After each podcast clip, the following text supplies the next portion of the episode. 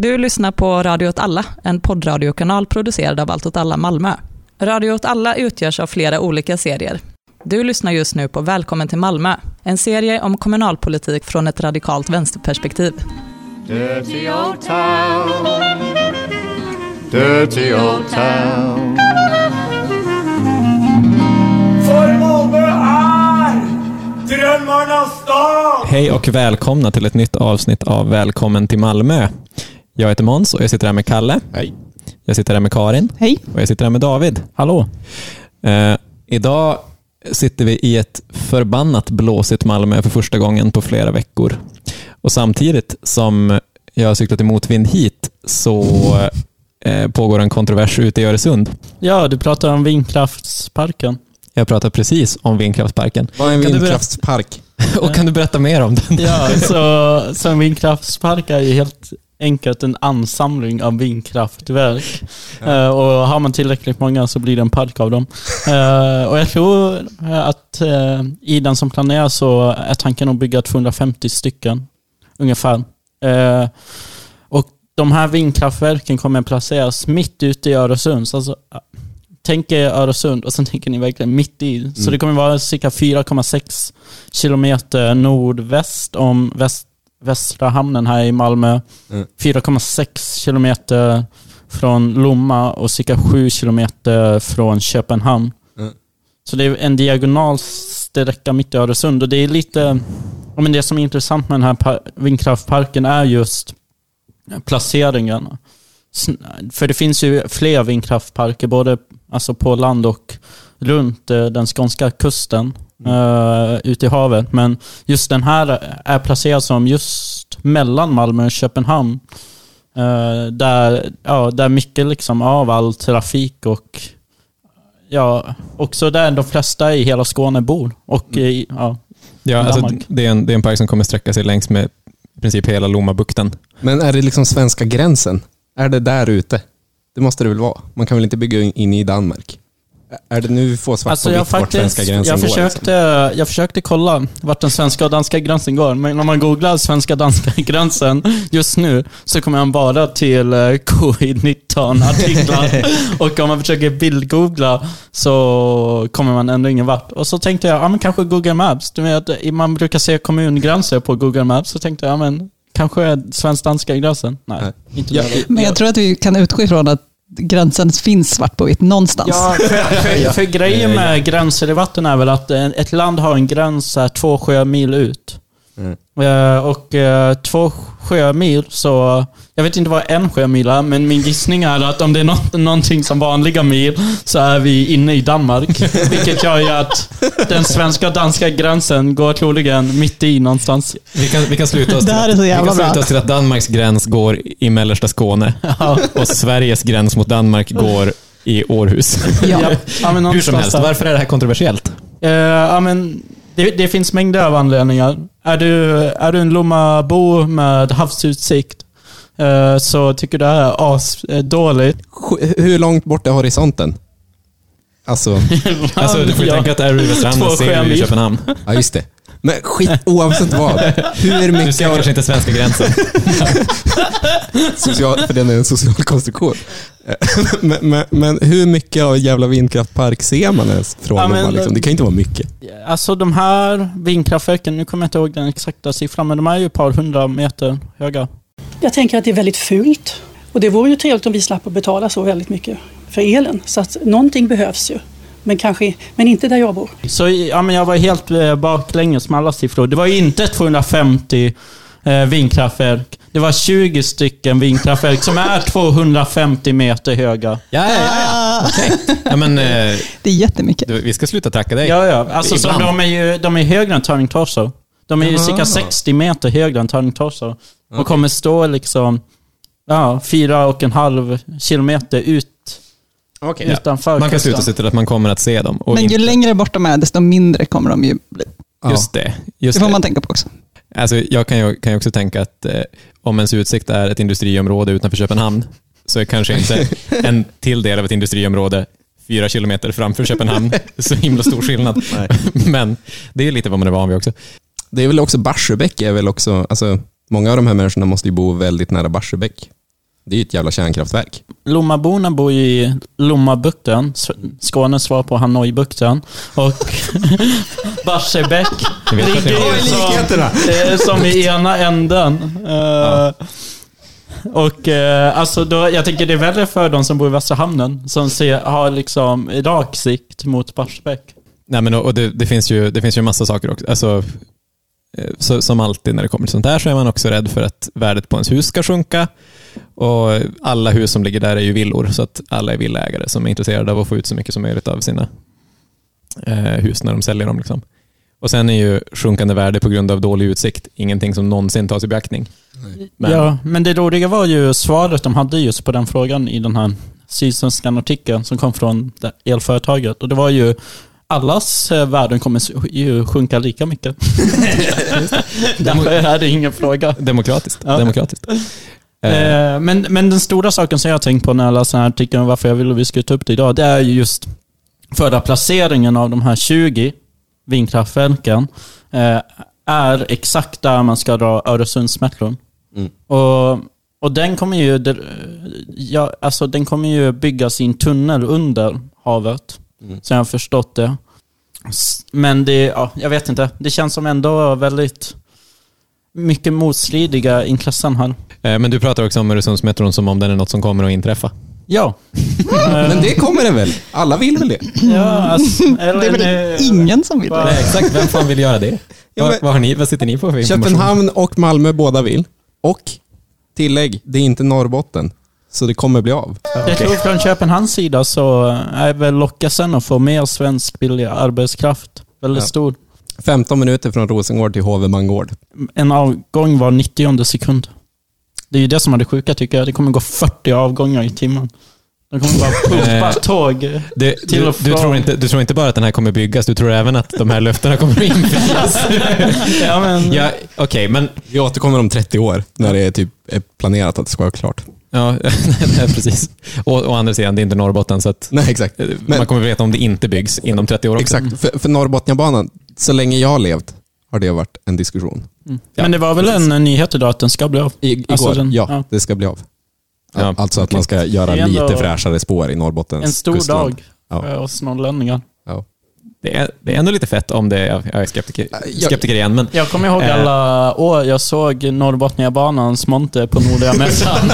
det var alltid den deppigaste platsen. Och då fanns det till och med en kreationist som hade en dinosauriepark. det är nog inte deppigt. Men jag vill, jag vill hänga fast lite vid den här äh, vindkraftsparken. Mm. För att det är väl också så att, att argumentet som lyfts fram för att bygga den, det är det här äh, att äh, Skåne har det här jättestora elunderskottet. Alltså att man, man förbrukar så otroligt mycket mer än vad man producerar. Nu kommer jag gissa om, om siffror här. Ja, och jag Att kommer man- säga om du har rätt Man fel. förbrukar 13 terawattimmar och producerar 3, Ja, exakt. vill jag påstå. Och det här, den här skulle skapa ytterligare en, tror jag.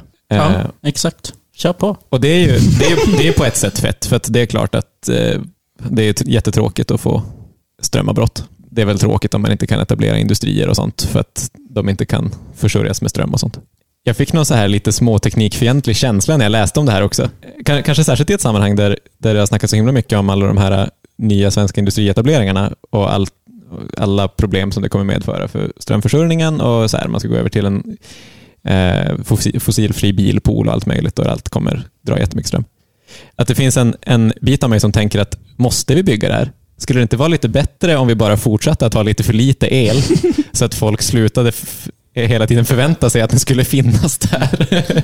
Ja, men så, så resonerar jag ju eh, helt kring den här Cementa-nyheten som också kom i veckan. ja. Alltså att eh, cementa, att, att tillgången till cement kommer sjunka på grund av en nedstängning på Gotland. Ja, man har ju ett jättestort kalkbrott eh, på Gotland. Eh, så där man inte, som man inte kommer få bryta längre efter första eller sista oktober. Vad beror det på? Eh, Det är att eh, ja, men för företaget Cement som måste söka tillstånd för den här brytningen. Och deras tillstånd, det de har nu, går ut den sista oktober. Och då 2020 så sökte de ett tillstånd och fick godkänt i tingsrätten. Men sen överklagades det av alltså miljöorganisationer. Mm. Eh, Och då i Mark och miljödomsto- Överdomstolen. Ja, överdomstolen så underkände man deras eh, miljökonsekvensbeskrivning. Eh, För man hade inte ja, men man hade dåligt underlag när det kom till hur det skulle påverka grundvattnet. Och, och då så har det här blivit jättestora rabalder för typ all cement vi använder i Sverige kommer just från Cementa och i sin tur från det här kalkbrottet. Och det är liksom, LKAB har varit ute, jag varit ute med att de måste liksom minska sin produktion med 50-70 procent. Och att man kommer inte kunna bygga typ vart tredje hus och sånt. Men vad med, ja, nu, nu blir det detaljer, men vad menar LKAB med att deras produktion ska sänkas? Ja, liksom? för grejen är att när de eh, bryter nya gångar i gruvor, Mm. då så har de, och nu min eh, fantasibild av detta, det är att de har en snubbe med en stor brandslang som går och sprutar cement i gruvgången. För de behöver cementen för att hålla att gruvgångarna liksom är intakta och inte bara rasar ihop. Och jag vill tänka att det är en jättestor brandslang som bara Mm. sprutar cement. det, det är så man gör relining numera i lägenheter. med, med, Alltså typ, Cement. fast det är en liten robot. Det, är, det här är helt sant. det var roligt. Jag gillar det här avsnittet, kommer in på så många konstiga tekniska... Eh, Jag, jag tycker att det är fascinerande med den här Cementa-frågan, hur snabbt hela näringslivet, inklusive det halvoffentliga näringslivet, har mobiliserat Ja, och- hela propagandamaskinen. Liksom, för att det är så, alltså när, när LKAB går ut och, med, med sådana där enorma siffror, alltså att, att produktionen kommer gå ner kom- kommer gå ner till 20 procent av vad den är idag. Liksom. Och när, när byggbolagen säger att vi inte kommer kunna bygga ett enda hus i Sverige, liksom, då, det, vem som helst som, som ser det vet ju att det är lögn. Ja. Eh, Det är, också, det är som att, det är som att hela med, eller liksom media, det, den är jätteko, alltså när man läser de här artiklarna så inser man Ja. hur konstigt det är. Det är verkligen bara att typ Dagens Industri har ringt LKAB och bara så här, vad skulle det betyda om Cementa-fabriken la ner typ? och så har de slängt ur sig någon siffra, 50-80% produktionsfall typ. ja, nej, men Och så vet ingen riktigt vad det betyder. Men det är i och för sig, alltså det är säkert sant liksom, eller så. Att, Ja, alltså det är ju klart att det kommer vara ett problem ja, för dem. men det är, väl- inte heller olösligt. Nej, precis, precis. Nej, men även om det är olösligt, alltså så fort det blir den här reaktionen från näringslivet, då blir jag, jag i min tur så här, ja ah, men då bara stänger vi ner skiten. Man blir liksom på samma sätt som eh, elproduktionen, man bara, ja, men då har vi bara lite el. Ja, ja, men det, det är ju lite det som är liksom, det, det är en, det är en tydlig parallell till varje gång man ska etablera vindkraftparker. Eh, att det blir ju alltid kontroversiellt och ibland av ganska pointless skäl. Typ att någon som bor i Lomma inte vill se ett vindkraftverk. Man får cancer av lätet. Ibland av, ja, precis, ibland av rimligare skäl, typ att man kanske inte ska hugga ner en hel skog för att få sätta upp dem. Eh, men det är ju alltid den här, eh, särskilt, särskilt sen det började, började bli uppenbart att vi kommer behöva väldigt mycket mer el än vad vi, än vad vi just nu har kapacitet för. Eh, så kommer ju liksom hela näringslivet på jävla en gång eh, och, och säger att Nej, men så här kan ni, vi, vi, måste ha, vi måste ha tillstånd. Det här måste komma upp på en gång, liksom, för annars så kommer allt skita sig. Eh, jag, jag tänker till exempel att det här, eh, har det gått igenom det, eh, att kommuner inte längre kommer att kunna, eh, kunna säga nej till etableringar av vindkraft, nya vindkraftverk? För det är en sån sak som man har velat, som regeringen har velat driva igenom. Ta bort det kommunala vetot. Ja, exakt. Alltså oavsett vad man tycker om det, liksom, ett, ett väldigt stort ingrepp. Men, men typ när LKAB bölar, eller så, om, om- det, om det är så att det är ett miljö, ett så klimatrörelsekrav att stänga ner det här kalkbrottet eh, och då LKAB bölar om att så, men då sjunker ju vår produktion, så är väl det bara bra. För att LKAB är väl typ Sveriges största miljöbov, tror jag. Jag är nöjd, det, det är ju en seger. Så Liksom. det blir en dubbel...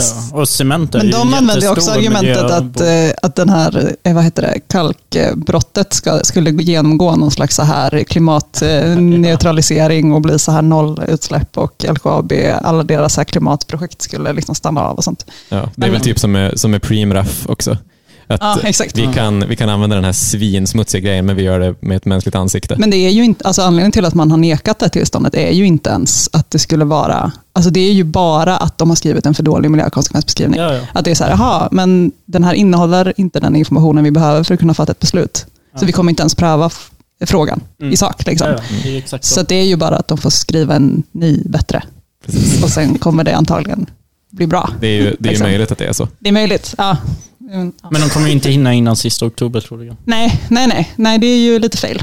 Men man, man kan ju å andra sidan tänka att, att det är ett tecken på att eh, lagstiftningen tillämpas hårdare också. Alltså om de, om de nu under lång tid har kunnat lämna in lite vad fan som helst Mm. från deras sida. Alltså, för att, för att man bara helt rutinmässigt har, har gett dem tillstånd. Liksom. Mm. Eh, men att det nu är petigare. Mm. Kanske för att den här frågan har blivit känslig också efter Ojnar i skogen och Mm. för att det sitter ihop med mycket större, Exakt. så här, allmän, allmänt en, en större offentlig känslighet när det kommer till miljöfrågor. Mm. För man får ju också tänka att det här kallbrottet eh, riskerar att göra det omöjligt att bo på Gotland. Mm. Eh, och det har, ju inte, det har inte med klimatfrågorna att göra utan att de kommer att fylla hela Gotlands grundvatten med gift. Exakt. Och Ja. Gotland har redan jättemycket problem med sitt grundvatten. Så att, Ja. Men vi, vi, visst känns det som att, eh, att eh, det samlade näringslivet är mycket mer på propagandastigen den senaste typ månaden. Alltså det har varit så strandskyddet, det har varit den här Ja, Cementa-grejen, det. sen har det varit det här nya EU-direktiv kring hur man får hugga ner träd. Det, det känns som att, ja, det- Det, det känns som att hela mina flöden är antingen folk som riffar på liksom, vad, vad var det för EU-direktiv? Ja, men E- E- EU vill typ att man, att man ska börja sköta skogen lite snyggare. Alltså, mindre kalhyggen och sånt. Mindre kalhyggen. Eh, eh, alltså det kommer ju fortfarande vara... Eller hugg bara ner träd med hyvel. det, det kommer inte vara en återgång till så 1700-talsmetoder. Men det kommer vara nå, något, något lite softare. Ja. Och, och det har varit så total attack på det från eh, svensk timmerindustri, som också är jättemäktigt såklart. Mm. Men strandskyddet har ju egentligen varit roligast, för där har det varit mest oklart. Så typ att eh, någon Timbro-stockholmare är så, eh, eh, kolla här i Kalix kommun hur mycket sjöar de har. Överallt är det sjöar, älvar. Och man får inte bygga nära dem. Och man bara, ingen vill bygga. Ingen vill bygga nära de här älvarna. Problemet är inte, problemet är inte strandskyddet. Nej. Problemet är att ingen vill. Kom igen. Ja, nej precis. Eh, men vad, vad mer har hänt på sistone? Det är ju, det är ju väldigt mycket, jag, jag tycker, tycker det märks väldigt mycket att det har varit juli nu. För jag menar, det var, det var liksom eh, lite träda redan för en månad sedan. Men nu, det, den största nyheten är att man inte får köra elsparkcykel i, I Rosengård. på Rosengård. Va, va, jag fattar sig är det. ganska stort. Vad beror det Men- på? Alltså, Jag har bara läst rubrikerna. den, den, officiella, den officiella förklaringen från alla de här företagen, för nu är de väl tre stycken i Malmö, om jag tänker rätt. Eh, det är att man har haft dem där, men det har varit mycket skadegörelse och personal som ska hämta dem har blivit hotade. Och så alltså typ som när de slutade dela ut paket på Seved. Det känns som att det var lite samma grej. Eh, så att då, har man, då har man dragit in eh, dels vart det går att parkera dem i ett jättestort område, dels vart det går att köra dem med full hastighet och sånt där. Så att Sydsvenskan gjorde något ganska gulligt litet reportage som de brukar göra, där deras reporter körde över gränsen och bara åh, nu går vi hastighet. Och nu stannar det. Var roligt. Jag älskar att Sydsvenskan är så här på gränsen mellan lokaltidning och rikstidning. Deras, deras eh, så, videosatsningar alltid jättebra, för det är alltid att någon typ filmar sig själv. Exakt, exakt. Det var jättefint. Nej, men och så, och så eh, frågade Sydsvenskan då deras, de här företagens pressansvariga varför ni har gjort det här och så fick de lite så här robotmässiga svar.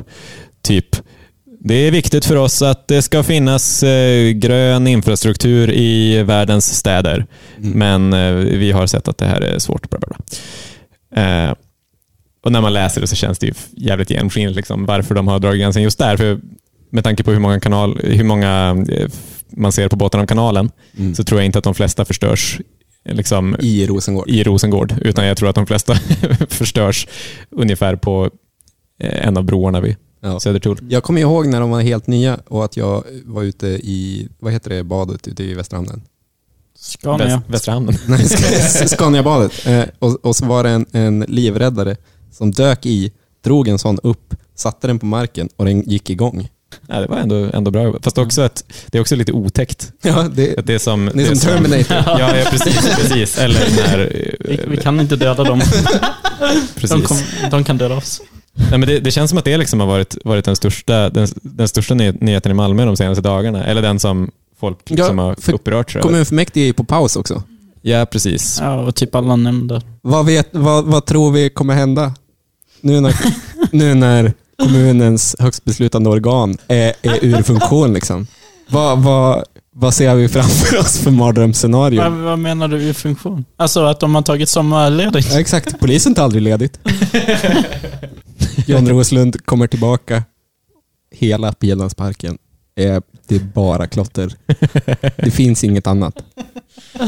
Alla någon, kläder borta. Någon har klottrat på gässen. vem, vem har klottrat på gässen och hur? Ganska bra jobbat och inte blivit biten. Jag måste författa enkla frågor. Precis.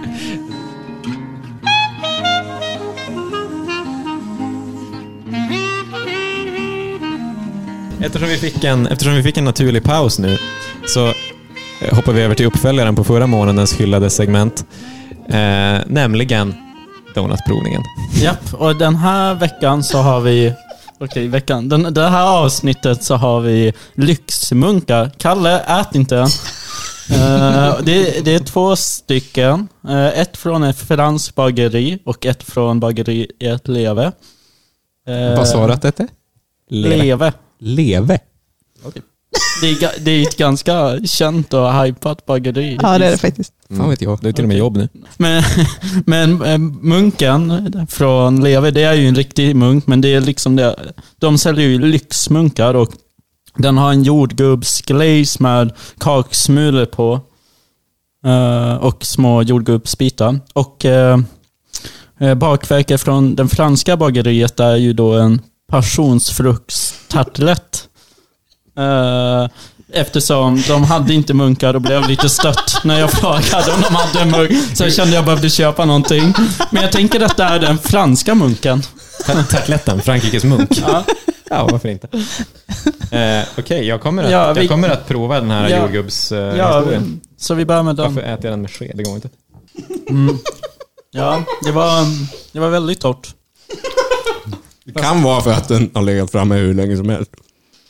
Men ändå god. Jag, jag tror att eh, den var bättre än de vi hade förra gången faktiskt. Mm. Den var inte riktigt lika liksom, fet. De vi hade förra avsnittet var ju de här med, jag vet inte vad man ska kalla det, eh, godismunkarna. Som var ju övermaxade liksom munkar, bara det rösta med socker och choklad och annat. För sött enligt min mening. Så den här var ju mer i min smak. Ja. Fast den var lite för torr, det håller jag med om. Lite mer brödig liksom. Precis. Nej, det, var, det var toppen Ja, faktiskt. ska vi... Japp. alltså Karin håller på dö. Det var toppen. Åh jävlar! Den var jättegod. Jättemycket passionsfruktsmak. Ja, vad det smakar smör. Gott. Mm. Och det var asgott. Bra Frankrike.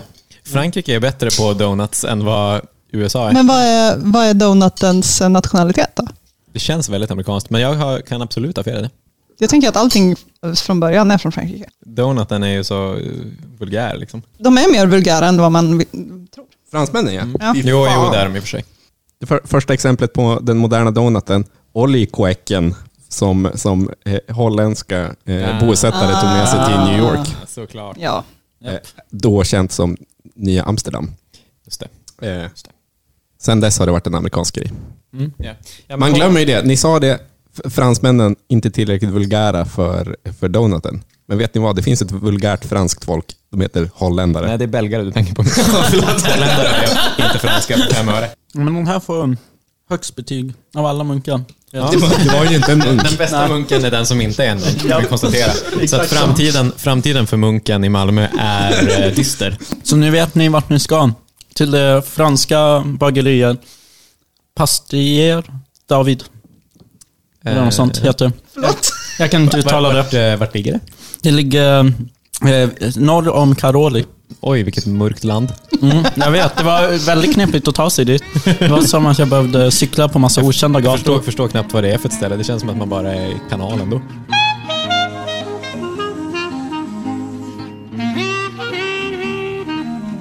Vi har haft en följetong över jag vet inte hur länge nu, som, som känns som att den har gått ut på att, att eh, vi vill prata om fenomenet Malbo, Mm. som vi inte riktigt vet vad det är. Det är jättekul Och- att om, man- om man söker på Malbo, som ändå är ett prestigefyllt Malmö stad-projekt för att bygga bostäder som folk har råd med, eh, som, som aldrig är riktigt definierat särskilt väl. Om man googlar på det så är vårt avsnitt, första avsnitt om det, ett relativt högt resultat, typ fjärde högsta. Mm. Vilket är ett stort problem om man tror på eh, tillgång till information. Ja. Och att internet är bra på det sättet. Men det har ju varit lite i ropet nu, så det är nog inte riktigt så högt upp längre. Det är skönt, men nu kan vi, nu kan vi kämpa tillbaka. Ja. Kan du berätta om vad som hänt för någonting? Ja, men Återigen berätta för mig vad det här är för någonting. nu vet vi ju vad det är.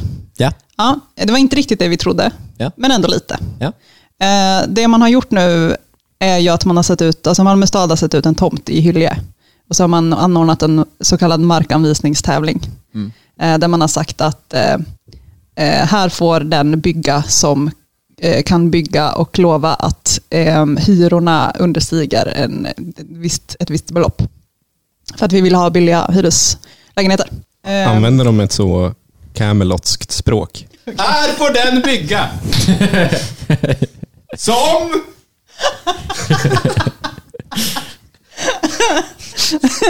Ja, det gör de. I alla fall. Jag vet inte riktigt, det finns några grejer som kanske är lite intressant med det här.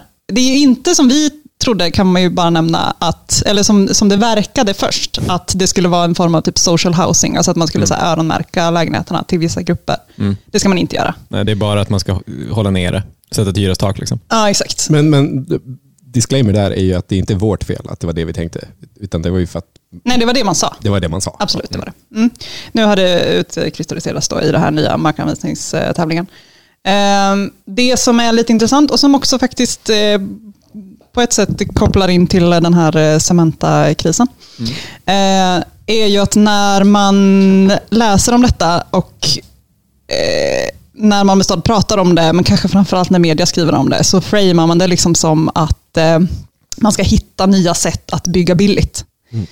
För det är ju typ en, det som är inramningen av, eller åtminstone delar av liksom debatten om typ bostadsbrist och ehm, att hyreskostnader i nyproduktion är alldeles för höga för väldigt många människor. Ehm, är ju så, vi måste bygga billigare. Som att det fanns någon magisk genväg i byggprocessen som skulle bara så sänka kostnaderna. Eh, vilket ju såklart inte finns. Nej, för då skulle den ha använts. Exakt. Och det tror jag att det var vi pratade om när vi pratade om det sist. Det var två år sedan. Jo, men så man, som Malmö stad framar ju det här lite som att det är så ett innovationsprojekt. Typ. Och så utlyser man en sån tävling där olika aktörer får komma liksom med sina typ bästa förslag på hur man kan bygga så här med bra standard fast ändå billigt. Och så där. Men det är ju inte det det är, utan det det är är ju att Malmö stad äger jättemycket mark och har en maktposition på det sättet i förhållande till byggherrarna. Och så säger de så, här får ni bygga men bara under de här villkoren. Så. Och sen flyger ju inte riktigt det. Ehm, det är ju, nyproduktion är ju dyrt av en anledning. Liksom, eller så. Det är ju dyrt att bygga, eh, om man säger. Ehm, så att det man har gjort också är att man har gett, eh, man ger också så byggrätter till kontor och eh, vad heter det, bostadsrätter. Och sen drar man ner på typ parkeringsnormen. Så man ger, alltså så, Tom, tomterättsgälden. Ja, så precis, och rabatterar eh, Ja. tomträttsavgiften och sådär. Så att man ger lite grejer eh, som ska liksom kompensera eh, de här eh, byggherrarna för att bygga billigare hyresrätter. Just det. Och det är liksom, eh, så, alltså om man kokar ner det så är det man gör är ju att man säger att nej men nu får ni inte göra lika stor avkastning på de här lägenheterna. Och I den meningen så är det liksom ganska radikalt.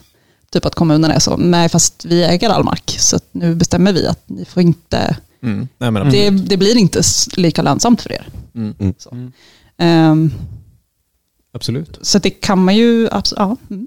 Det, är finns, ju också, finns också lite någon, någonting i eh, hela inramningen av det. För att när, när du pratar om det eh, som ett sånt, att, att man ramar in det som ett innovationsprojekt också. Det känns som att, som att det har lite så här, det har lite likheter med sådana historiska eh, byggprojekt när man liksom eh, till typ världsutställningar bygger ett svinstort eh, nytänkande, socialt hållbart, bla bla bla, hus, sådär som folk gjorde typ på 30-talet. Eh, på den tiden när det, när det var inne bo, med bostadsbrist förra gången. Liksom. Sista gången det var Eh, och in, inne med ojämlikhet. Eh, sen ska man väl inte blåsa upp det liksom, till för stora proportioner, men det är ändå lite roligt. Mm. Faktiskt. Mm. Och att, Det är väl att det också får det att kännas som ett... Alltså det, det är lite roligt att det blir ett prestigeprojekt. Där kärnan är att tvinga företaget att inte tjäna lika mycket pengar. Ja, alltså ändå liksom. Eh, Sen, eh, sen är det jättesvårt, alltså, jag har ju försökt eh, komma på typ hur, hur radikalt är det? Typ. Men att eh, också i och med att man liksom kompenserar byggherren på något sätt med att ge andra saker. Eller så.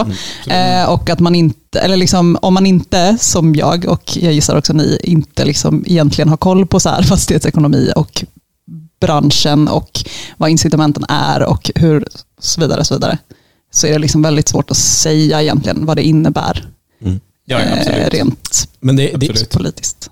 det är ju per definition coolt att, att, eh, att hämma eh, utdelning, eller så deras vinstuttag. Eh, Eller det är coolt att det går. Ja. Och sen om de får massa eh, så, rabatt på tomträtt och sånt skit, så är det ju, inte- då blir ju inte projektet Malbo blir ju inte coolt då. Men, men det är coolt att, att det överhuvudtaget går. Ja, och det går ju. Alltså, för att det var det som förvånade mig lite också. Så här att, men vadå, kan, eller jag vet inte, jag hade nog kanske inte reflekterat så mycket över det, men så lite så. Men vadå, kan kommunen i egenskap av markägare liksom bara göra i princip vad de vill? Och det kan de ju.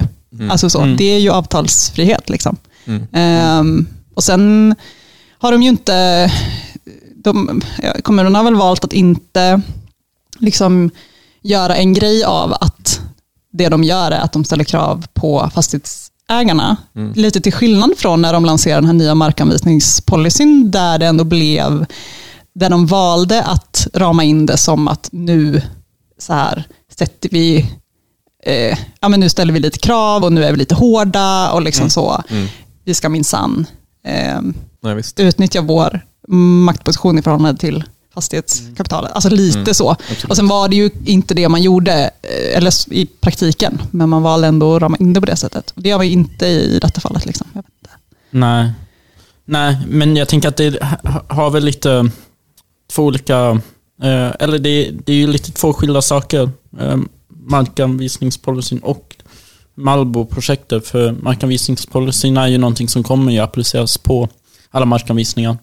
Men för Malbo-projektet så behöver de ju faktiskt, alltså de behöver ju få fastighetsägare att aktivt vilja söka, eh, gör, göra, eller vara en del av anbudet. Mm. Eller markanvisningen. Ja, och, göra, göra projektet som ja, sådant. så att, att liksom. då kan de, ja, då vill man väl i alla fall frame, inte framea det så att, som att det låter som de ställer jättemycket krav. Nej, Men det precis. blir ju väldigt intressant att se dels hur många som kommer skicka in eh, förslag. Ja, och vilka. Nu är vi klara. Ja, Nu kan ja nu, nu, nej, precis. Ja, nu behöver vi aldrig prata om det här ett igen. följande avsnitt Hur det gick? efter november. Ja, alltså vilka, vilka anbud det kom in i markanvisningstävlingen. Mm. Och hur knasiga illustrationerna ser ut. Dirty old town. Härmed så säger jag bye bye. Vad läser ni för något? Ja, Jag läste Fastighetsnytt. Ja, jag, jag läste Fastighetssverige. Är, är det här som när man alltid har en socialdemokratisk och en moderat eh, dag, dagstidning? Ja, Alltså, antagligen, men jag vet inte att, att det är Jag lite vet så inte här... vilken som är vilken. vilken som är vilken. Väldigt oklart. så när, ni, när ni växte upp, då var ni en eh, fastighetstidningen-familj. Eller, ja. Okej.